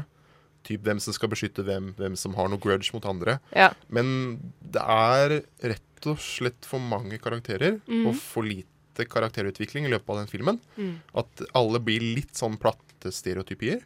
Så man blir egentlig ikke kjent med noen. Og når noen først da dør, eh, etter ganske lang tid, så er man litt sånn Å ja. OK, too bad. Det var synd. Altså, Dramaturgisk messig, bygger det seg bra, liksom? Er det, er det, er det spenning? Sitter du og vil se Det er spenning. Det er det. Ja? Det, det jeg syns han klarer bra, er å, mm, at man begynner jo å heie på de ulike karakterene. For det er så, okay. Fordi man litt sånn OK, jeg vil at han, han, han syns jeg skal overleve. Men det virker som om filmskaperen egentlig ikke har noen skal vi si Det er ikke noen favorites da som skal okay. overleve eller ikke. Så de dør her og dør der og ja. Det er jo spennende, da, for så vidt.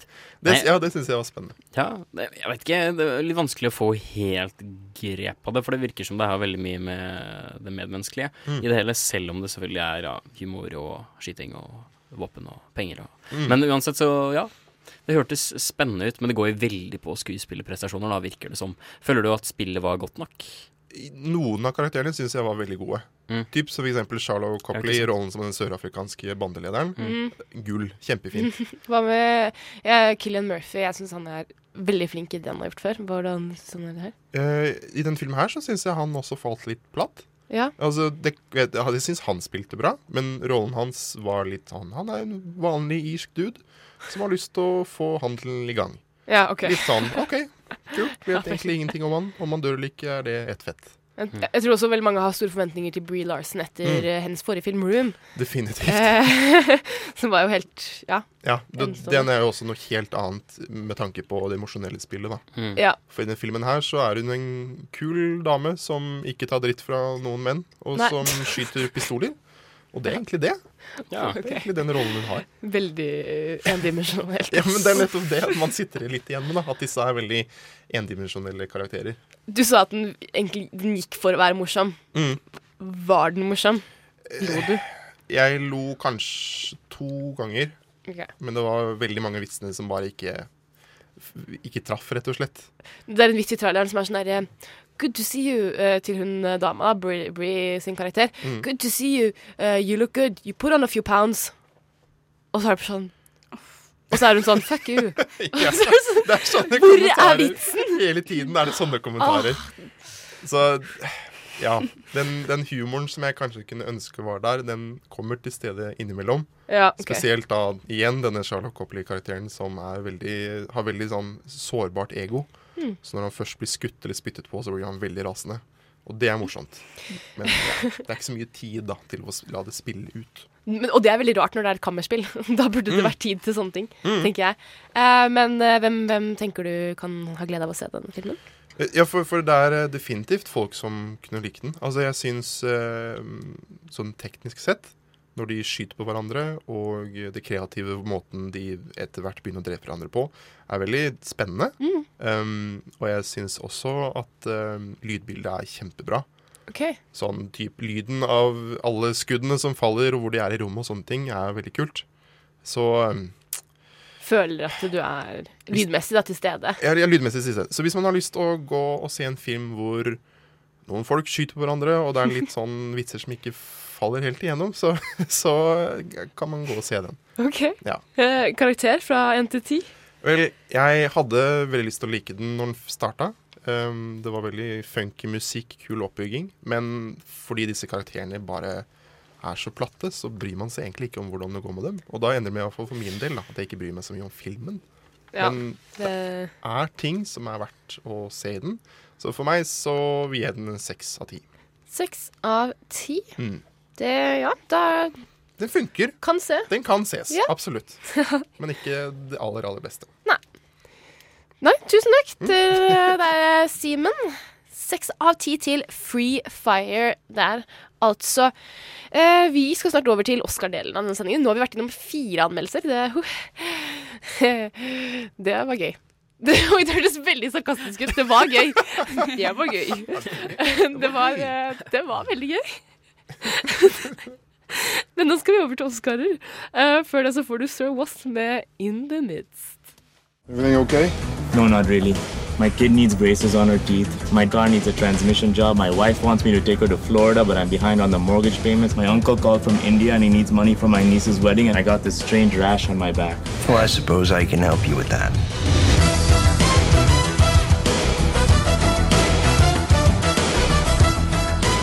Novenar gir deg de riktige rådene. Yes, vi har nå en spalte hvor vi skal gi deg tips. Eh, ikke bare om noe du kan se, men liksom hvordan du skal navigere deg rett gjennom eh, Filmjungelen. Noe sånt noe. noe, sånt noe. Ja. Men det er, så, det, er så, det er så mye informasjon, det er så mye skitt der ute som man kan bruke tiden sin på. Men så tenkte jeg hvis man er filminteressert, så er det en liten sånn kronjuvel i denne store, kalla utømmelige massen med forskjellig informasjon som ligger på nettet. Og da er det en podkast ved navn Song Exploder, som er en musikkpodkast som tar for seg liksom at en artist setter seg ned og uh, går gjennom en låt eller et stykke. Måtte gå gjennom prosessen da, for hvordan låta eller stykket ble skrevet, og hvordan det ble produsert. Og da er det en veldig, veldig veldig flink fyr som heter Richie Casey Ray, som har denne podkasten. Og nå, før Oscar, uh, så er det jo en em, så er det jo eh, ja, priser for best filmmusikk, men også original song. Eh, Så han måtte prøvd å legge litt vekt på filmmusikk og bra lydmiks til film. Så da har han en, eh, ja, en serie da med Song Exploder-episoder som handler om filmmusikk. Da har han både tatt for seg La La Land, som er Damien Gazelle og Justin Hurtwitz som har laget. Det har jo blitt praisa nok, så jeg vil ikke si mer om det. Men han har fått en episode som, der de snakker om hvordan de skulle lage musikken da, til La La Land. Eh, Han har også en episode med Johan Johansson, denne svenske musikkomponisten, som går gjennom Svensk? Ja, han er svenske. Jeg trodde han var fra Island. Men jeg tar kanskje feil. Han har bare det rare navnet, kanskje. Ja, riktig, men jeg tror kanskje i så fall Jeg tror han bor i Sverige, i hvert fall. Okay, Mulig ja. han er fra Island, nå husker jeg ikke. Er ganske sikker på at han er svenske, men ikke quote meg på det. Men i hvert fall, han har i hvert fall laget uh, musikken til Arrival, og han da har en episode hvor han snakker om det. Og så er det så gøy å se liksom Uh, greit nok når det kommer til sånn musikkteknisk, sånn type hvilke instrumenter, hvordan de har tatt opp ting, uh, og Mm. hvordan de har skapt lyden de har skapt. Men det er også på en måte forholdet mellom filmen og hvordan å lage et sånn kalla sound backdrop, som skal liksom prøve å um, forme filmopplevelsen og gjenspeile indre Ja, ja. handling hos, hos karakterene. Um, veldig, veldig kul, den, eh, spesielt den Ariel-episoden er veldig kul. Men så er det også denne um, som kom ut nå sist, som er eh, Nicolas Britell, som har lagd musikken til Moonlight. Og Mm. den episoden er uh, fucking amazing. Uh, den, er, den er veldig, veldig kul. Moonlight er jo um, spådd til liksom være vinne alt av Oscarer. Den og liksom Manchester by the Sea er i hvert fall antatt til å være de største La La Land også. Ja, La La Land, de tre i hvert fall, er på en måte ansett som liksom veldig favoritter til alt, egentlig, Mm. innenfor Oscaren. Um, Men uh, Nicholas Britell går jo da gjennom um, Gjennom veldig Ja, går gjennom teamet, da til, um, til Moonlight. Uh, og det som er så kult, da, at det mm, kalla, det soniske backdropet forandrer seg litt sånn utover filmen, og hører at det kommer inn. Eh, at det starter da fra han er liten, og så er det litt sånn sped og litt sånn lyst og litt sånn tynt. Og så ettersom han blir eldre, da, så får han liksom mer dybde, det blir mørkere i pitch, og det samtidig som måte, det utvikler seg sammen med han. da. Mm. Du får på en måte gjenspeila på en måte karakteren i musikken. Det blir en sånn hvis du har lyst til å få et ordentlig inntrykk da, av hvordan, eh, hvordan musikk for, filmmusikk forholder seg til historie og narrativ, eh, og alt som ligger bak, så er det utrolig, utrolig veldig mye bra. Nå skal vi høre litt på Chirons team, som Nicolas Britell har laget, og så kommer vi tilbake med mer Oscar-prat etter det.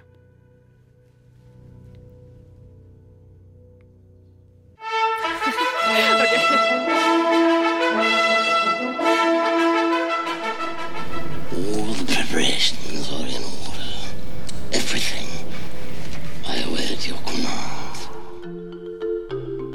Nå fortsetter Nov Noir. This is the second act.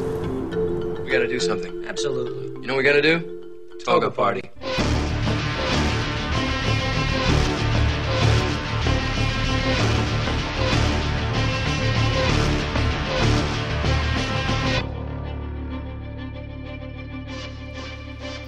Yes, vi sitter fortsatt her. Eh, det er litt igjen. Eh, du hører på Nova Noir på Radenova, FM 99,3, eller på DAB eller på nettspiller, eller hvor du enn hører på. Mitt navn er Miriam Folland, og med meg i studio så har jeg fortsatt Olav Haraldsen Roen. Og Tone Hafsås. Og bak spakene har vi Simon Lima. Eh, vi er nå over på den delen hvor vi skal snakke om Oscarene. Eh, fordi de kommer på søndag. Det gjør de, det gjør de. uh, og da syns vi de, Vi har på en måte hatt uh, sånn hver sending nå den siste måneden eller noe. Har vi tatt for oss en eh, ny kategori innenfor Oscarene. Forrige gang tok vi or original sang. Eh, før det så tror vi vi tatt animasjon og eh, Special effects. Special effects. Eh, så hvis du har lyst til å høre på det, gå på Soundcloud-kontoen vår. Eller på Så er vi på hvor enn du hører på podkaster, egentlig. Nova Alt Noir. av podkastapper, alle steder hvor du finner podkast, der er vi. Der er vi. Eh, og så er vi på Facebook og Instagram, bare for å liksom skyte inn liksom alle eh, prom promotional eh, greier. Eh, men eh, hvis du ikke har noe å gjøre på søndag når det er Oscarene, så skal vi ha en sending her i studio hele natta. Så skru på radioen din, eller helst hvis du har DAB, da. eh, skru på DAB-radioen din. Hør oss gjennom natta. Vi kommer til å kommentere hva som skjer på Oscarene. Gjøre, spå hva som kommer til å skje. Bare egentlig mye hyggelig og morsomt. Hvis du, hvis du trenger noen eh, til å geleide deg gjennom eh, natten, eh, inn i på en måte kall det filmindustriens vugge, så skal vi prøve så godt vi kan. Ja. Ja. Jeg håper det, i hvert fall. Eh, jeg håper du hører på. Eh, vi skal nå over til å snakke om eh, denne kategorien som egentlig jeg er veldig fan av. Jeg synes det er, Den er nesten mer spennende enn en, leading role, syns jeg. Så er denne supporting role-kategorien. Actor og actress in a supporting role. Fordi Jeg vet ikke hvorfor, men jeg syns at det er en veldig spennende kategori. Uten tvil. Det er liksom type Det er litt godt at man faktisk gir litt spotlighten til de som kanskje ikke alltid er de største navnene, eller har de på en måte eh, Kalle det som har de største rollene heller. Ja, det... Eh, fordi ofte så kan de spille dritbra og gjøre dritbra ting, men de kan kanskje fort litt i skyggen av de store navnene og de store rollene. Ja, eh, noen ganger så føler jeg at de faktisk outshiner hovedrollen. Mm. Eh, sånn som for eksempel i eh, Nå kommer jeg ikke på noe, da. Eh, eh, jeg kommer ikke på noe. Kanskje Fight Club? Uh, ja, kanskje. Kanskje ikke. Hva syns du? Syns du, han- syns du Brad Pitt sin rolle outshiner Edward Norton? Det er så vanskelig. De er så det, det, flinke. det, det er tospann der. Jeg føler på en måte Og igjen så i hvert fall Jeg skal ikke spoile Fight Club, da, men det er liksom Én uten den andre blir veldig vanskelig når det kommer til historien. Men Ja. for eksempel i The Dark Knight, så Heath Ja. Ledger er jo birolle, men han er jo uten tvil den som, eh, ja, mest minneverdig prestasjon. Eh, men eh, ja, jeg vet ikke. Det er liksom gøy å se hva, man, hva gode skuespillere kan få gjort med en, uh, en rolle som kanskje ikke er så sentral. Eh, veldig, veldig tøft. Uh, og det er veldig, veldig mange flinke folk. Eh, ja. I år er det skikkelig mye bra. Så jeg gleder meg å snakke mer om det. Jeg tror vi skal ta en liten låt først, ja. Og det er Gleed Feet Ozzy med Kom se. Nova Noir så liker vi all slags type film, spesielt norsk film. All norsk film er best film. Send en norsk film til oss, gi den ti av ti.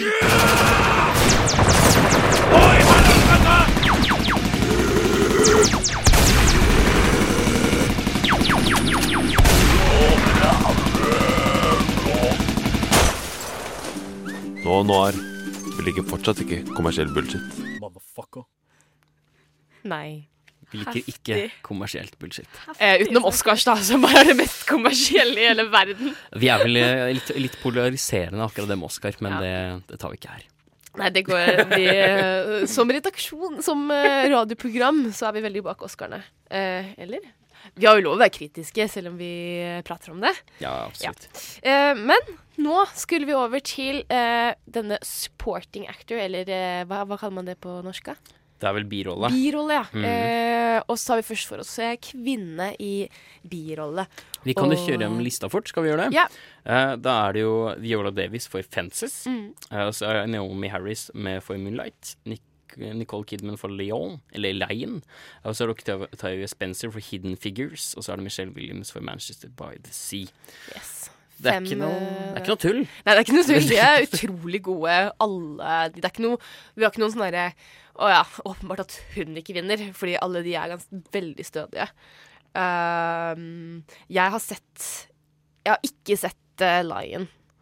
Og ikke sett Hidden den, altså. Figures. Jeg har, jeg har um, Lion ser veldig, veldig fin ut. Ja, den gjør det. Den ser kjempefin ut. Herregud. Um, nei, jeg veit ikke. Det er, måte, det er så vanskelig å spå. Men i hvert fall uh, interwebet har vel um, Jeg har vel lest meg opp litt ved de som blir sett på som favoritter. Og, og Viola Davis sin rolle i Fences. Ja. Oh, Ja, ja. Ja. Eh, hun vant jo Golden Globe for den. Mm, ikke sant. Eh, så ja, eh, hun er jo spådd å vinne. og hun har jo faktisk Dette er jo rekord for henne. Hun har vunnet Dette er den tredje Oscar-nominasjonen hennes. Mm. Så eh, Og hun er den første afroamerikanske kvinnen som har vunnet Eller nei, blitt nominert tre ganger i den kategorien. Det sier jo litt om hvor eh, langt vi har igjen, dessverre. Men, eh, men, men ja, men uh, we're getting there. Men hun har både spilt tidligere, så hun har spilt i The Help fra 2011. Hun Yes. har også spilt i Prisoners fra 2013. Uh, veldig, veldig flink skuespiller. Veldig flink. Uh, og, og rollen hennes i Fences eh, Jeg har ikke sett den ennå, men du har sett den, Miriam. Og yes. den. var visst helt syk. Ja, jeg så jo uh, Jeg så jo um, jeg, så, jeg så jo først Manchester by the Sea og Moonlight, og der spiller jo Michelle Williams og da Naomi Harris, da. Og de to var sykt bra, og det var sånn to, En av de kommer til å vinne, og så så jeg Fences, og så var jeg sånn Wash. Jeg bare ble eh, Fikk liksom bakoversize av Viola Davis i den. For det, det var helt vilt bra. Jeg synes, Apropos filmer hvor birolle outshiner hovedperson. Jeg syns hun, gjorde det. ass. Selv om Denzel Washington også var utrolig flink i den filmen, er- så ja, var det absolutt. henne jeg på en måte bare mm, fokuserte liksom all min energi på, fordi hun var så Kapret det så veldig, da. Ja, ja, ja, kjempe. Veldig gøy at Denzil Washington får noen sånne roller også, for så vidt. Men eh, nei, herregud. Det er Viola Davis. Fabelaktig. Ellers er jo også um, så er jo også Michelle Williams for Manchester by the Sea også ansett av mange som en relativt stor favoritt. Mm. Men også Nicole Kidman uh, i Lyon. Uh, hun er jo um, Filmen går jo i sånn ja, kalla. Sånn uh, lett å lede ut på at det er en gutt som blir adoptert til en familie. Han er vel fra er Kal- India. Ja, Calcutta, er det ikke det? Ja. Tror det er Calcutta han er fra. Eh, blir tatt, eh, tatt til USA som liten, og Nicole Kidman spiller da adoptivmoren hans. Ja, han blir ble jo ikke tatt, på en måte. Nei, Eller det hørtes ut som at hun, eh, han blir borte. Ja. Han blir borte fra familien sin ved et uhell. Han kom, faller på et tog og kjører og Han vet ikke hvordan Finner ikke familien sin i India, ikke sant. Uh, så blir han ja, adoptert og glemmer på en måte sin gamle familie. Skal vi Det er jo en veldig fra Ja. Vi, vi vil høre et lite klipp av eh, Nicole Kidman, bare for å føle hvordan hun You've come a long way, haven't? I'm sure it hasn't been easy. And one day you'll tell me all about it. You tell me everything, who you are, everything. Det er jo veldig patos. Men jeg føler på en måte at i en sånn film så blir det ganske naturlig. Da følger da på en måte mm, Det følger jo da Dave Patel eh, sin karakter i det Han prøver liksom å finne tilbake til røttene sine Mm. og familien sin da i, i India. Mm. Eh, og selvfølgelig da denne støttende, gode moren som er der for han, da. Som den portretterte av Nicole Kidman. Yes. Så det jeg må få sett den, altså. Herregud. Den ser heavy ut. Veldig. Det er et eller annet med Oscarene i år. Det er så mye tungt. Men Det- er ikke det egentlig alltid ja, ja. det Oscarene er? Jo, men- Fordi jeg føler at det er sånn eh, De filmene som blir nominert til Oscar, er de filmene som klarer å presse ut en veldig sterk Mm, emosjonell følelse. mm. Men bare akkurat den emosjonelle følelsen, den derre triste tear-jerking Det er ikke noen andre følelser som blir trukket fram, syns jeg, vanligvis. Det er ikke sånn derre Å, den der var dritmorsom, så vi tar med den. Eller den var kjempeskummel. Det er ofte sånn tear-jerking. Ja, herregud. Nei, men det, var, nei, det er godt Men, å få et eh, lite, sånn, eh, et lite eksempel på, på rollen. Vi har et lite eksempel på Viola Davis òg, har vi ikke det? Eh, vi har det. Eh, dette er ikke da fra filmen, fordi jeg fant det egentlig ikke noe, men det er fra Broadway-oppsettelsen av den samme filmen med de samme skuespillerne og karakterene og den samme dialogen. Eh, lyden er litt sånn Det er derfor jeg vil nevne det, men uh, vi kan bare høre, fordi I'm trying the best I can to explain it to you. It's not easy to admit that I've been standing in the same place for 18 years. Well, I've been standing with you. I've been right here with you, Troy. I got a life too. I gave 18 years of my life to stand in the same spot as you. Don't you think I ever wanted other things? Don't you think I had dreams and hopes? What about my life? What about me? Ja. Det er, det er ganske heavy. Eh, fordi det på en måte handler om uh, Det er sånn sosial realisme. Shit. Ja, ja, veldig. Og veldig mørkt. er, eh, Og veldig, veldig vakkert. Hmm. Ja. Føler vi, selv om det er vondt, så føler jeg at det, vi trenger sånne filmer. Eh, Ja. For altså, filmmediets rolle og, og kunsten generelt er å prøve å gjenspeile den virkeligheten vi lever i. Mm. Og da er det godt at noen faktisk tør det, og ikke bare har bensineksplosjoner og Fast and the Furious 14, liksom. Det er godt innimellom få det. Ikke sant? Og Men- det er det på en måte samme som Moonlight gjør. Og derfor tror jeg tror at kanskje hennes største konkurrent, i hvert fall etter min mening, er Naomi Harris i eh, Moonlight, hvor hun spiller eh, moren til hovedpersonen, Mm. som er hun på crack, da. Ja, ikke sant. Ja, det, fi, altså, feltet er stacka. Det blir uh, spennende å se, altså. Jeg Ja. er usikker. Jeg, har, jeg holder en knapp på, på Viola Davis. Ja. Håper hun vinner. Hva har du i forhold til Naomi Harris, eh, Tone? Ja, jeg satt henne i Pirates of the Caribbean. da. Ja, ja, ja. Davy Joannes. Det var min impression, da. Jeg syns det er veldig bra. Veldig, veldig, veldig bra. den rollen er jo også den jeg liksom Å ja, når jeg så henne, sånn Å ja, å! Eh, Parts of the Caribbean. Ja, for jeg gikk jo inn for å sjekke litt opp disse folka her, da, for jeg har jo ikke sett eh, noen av filmene. Men uh, altså, jeg har jo ja, sett noen av dem i andre filmer, da. Mm. Så uh, det blir spennende å se. Jeg får prøve å få sett filmene seinere. Ja, men det er jo noen av de som er litt vanskelig å få tak i. Eh, det er på en måte Moonlight og Manchester by the Sea er jo på kino nå. Mm. Lion, er den på kino?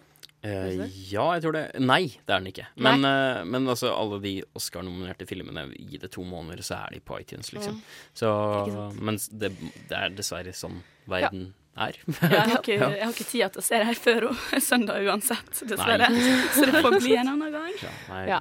Eh, vi skal, ja. Men vi spår på Viola Davis. Hva tror du, Tone? Bare ut ifra det du kan gjette? Nei, altså, ja, siden det hodet virker som det blir, da, så kan jeg sikkert slenge meg på det toget, da. Safe eh, plassen der. Ja, hun er veldig flink. Hun Ja, fortjener det. Uh, vi skal snart over til uh, mennene. Eh, så eh, ja, der er det også mye bra å ta av. Før det så skal vi høre Architects av, eh, med sangen Broken Cross. Vil! Vil! Vil! Venner lyver ikke. Elleve. Ikke hold denne nysgjerrighetsdøra lukka. Jeg elsker eggovafler! Målinger er for kaffe og kontemplasjon. Nei. Nei, det må gorgon. Nova Noir er ikke redde for å snakke om rare ting.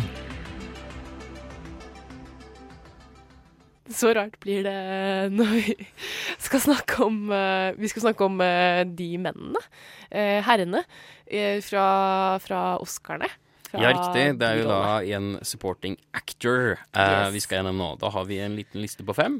Da er det Marsha, M M- Ali for Moonlight, Jeff Bridges for Hell or High Water, Lucas Hedges for Manchester by the Sea, Day Patel for Lion og Michael Shannon for Nocturnal Animals. Yes.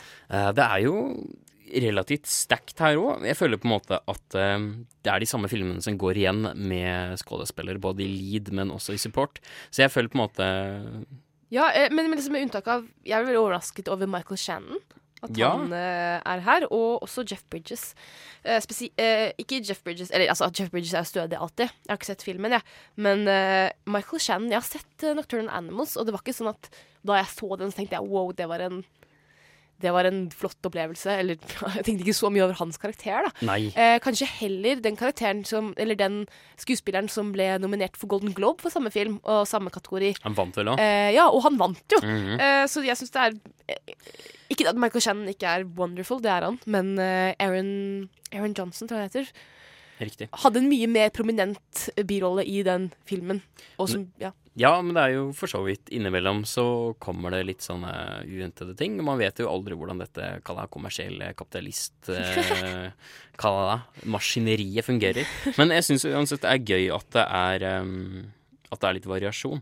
Ja, At det kommer litt folk som kanskje man ikke forventer. Men, uh, i hvert fall de jeg har oppfattet som de store, um, store favorittene, er jo da en som vi snakket om, Dave Patel, som spilte spilt i Lion, Mm. som vi snakket om i stad. Uh, Han veldig flink. ja, ja, jeg har jo som sagt ikke sett den ennå, men det ser eh, dritbra ut. Uh, og så er det jo også denne uh, Mahershada Ali for Moonlight. Yes. Han har jo spilt i Benjamin Button fra 2008, og så spilt i House of Cards. Yes, Um, ja. House of Cards. Veldig spent. Eh, også spilt i Luke Cage, som veldig mange i Noir-redaksjonen er eh, veldig fan av. Aldri sett. Men han er, han er flink. Jeg har sett eh, Moonlight, og skikkelig, skikkelig flink. Skal vi egentlig bare høre litt fra han? What happened, Chiron?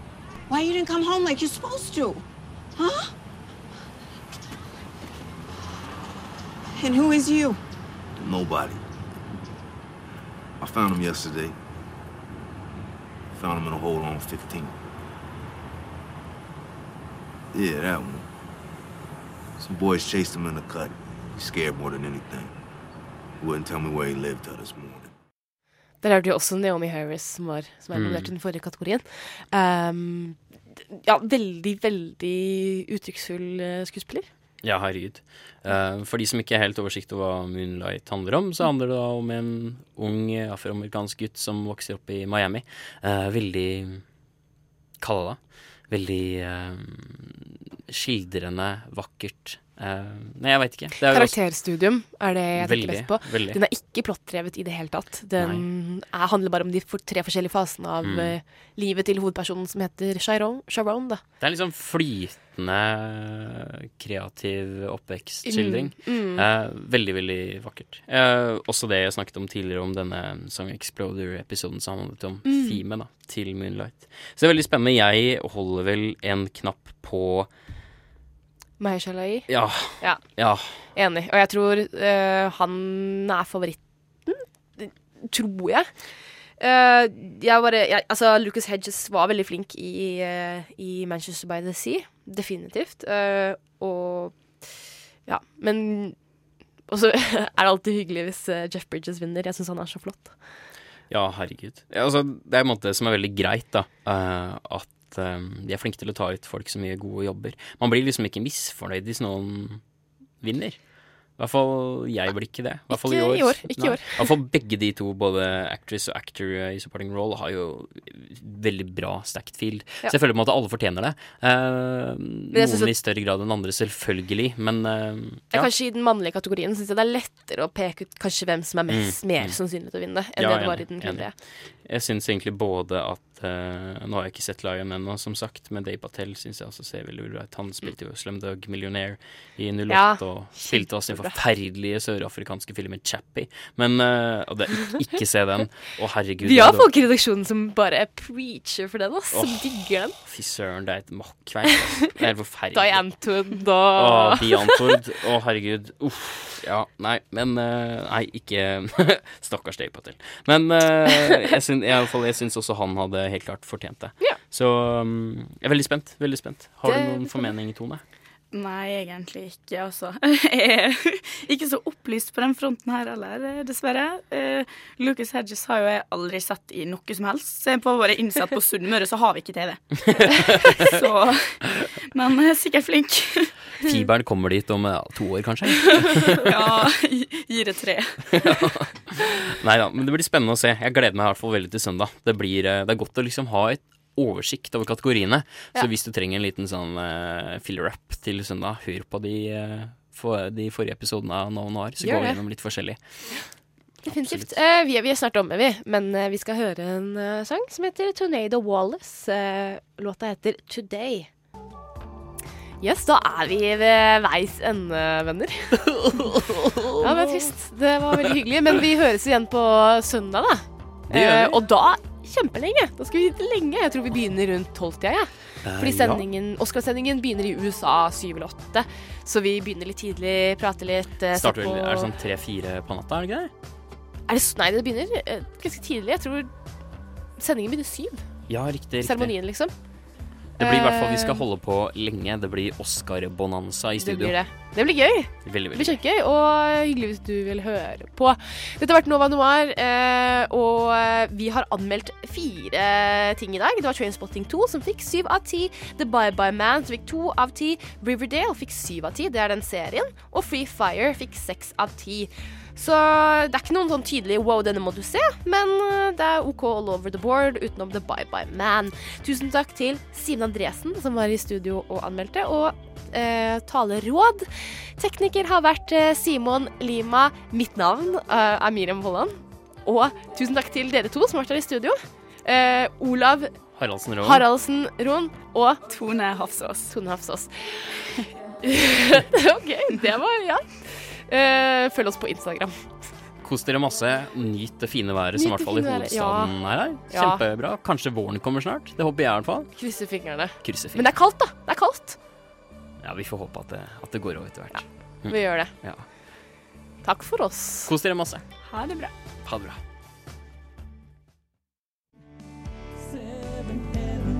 I know there's no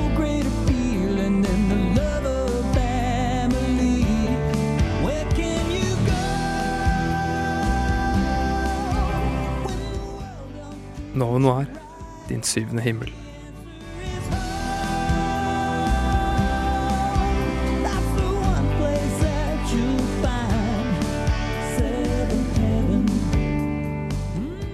Ditt andre hjem.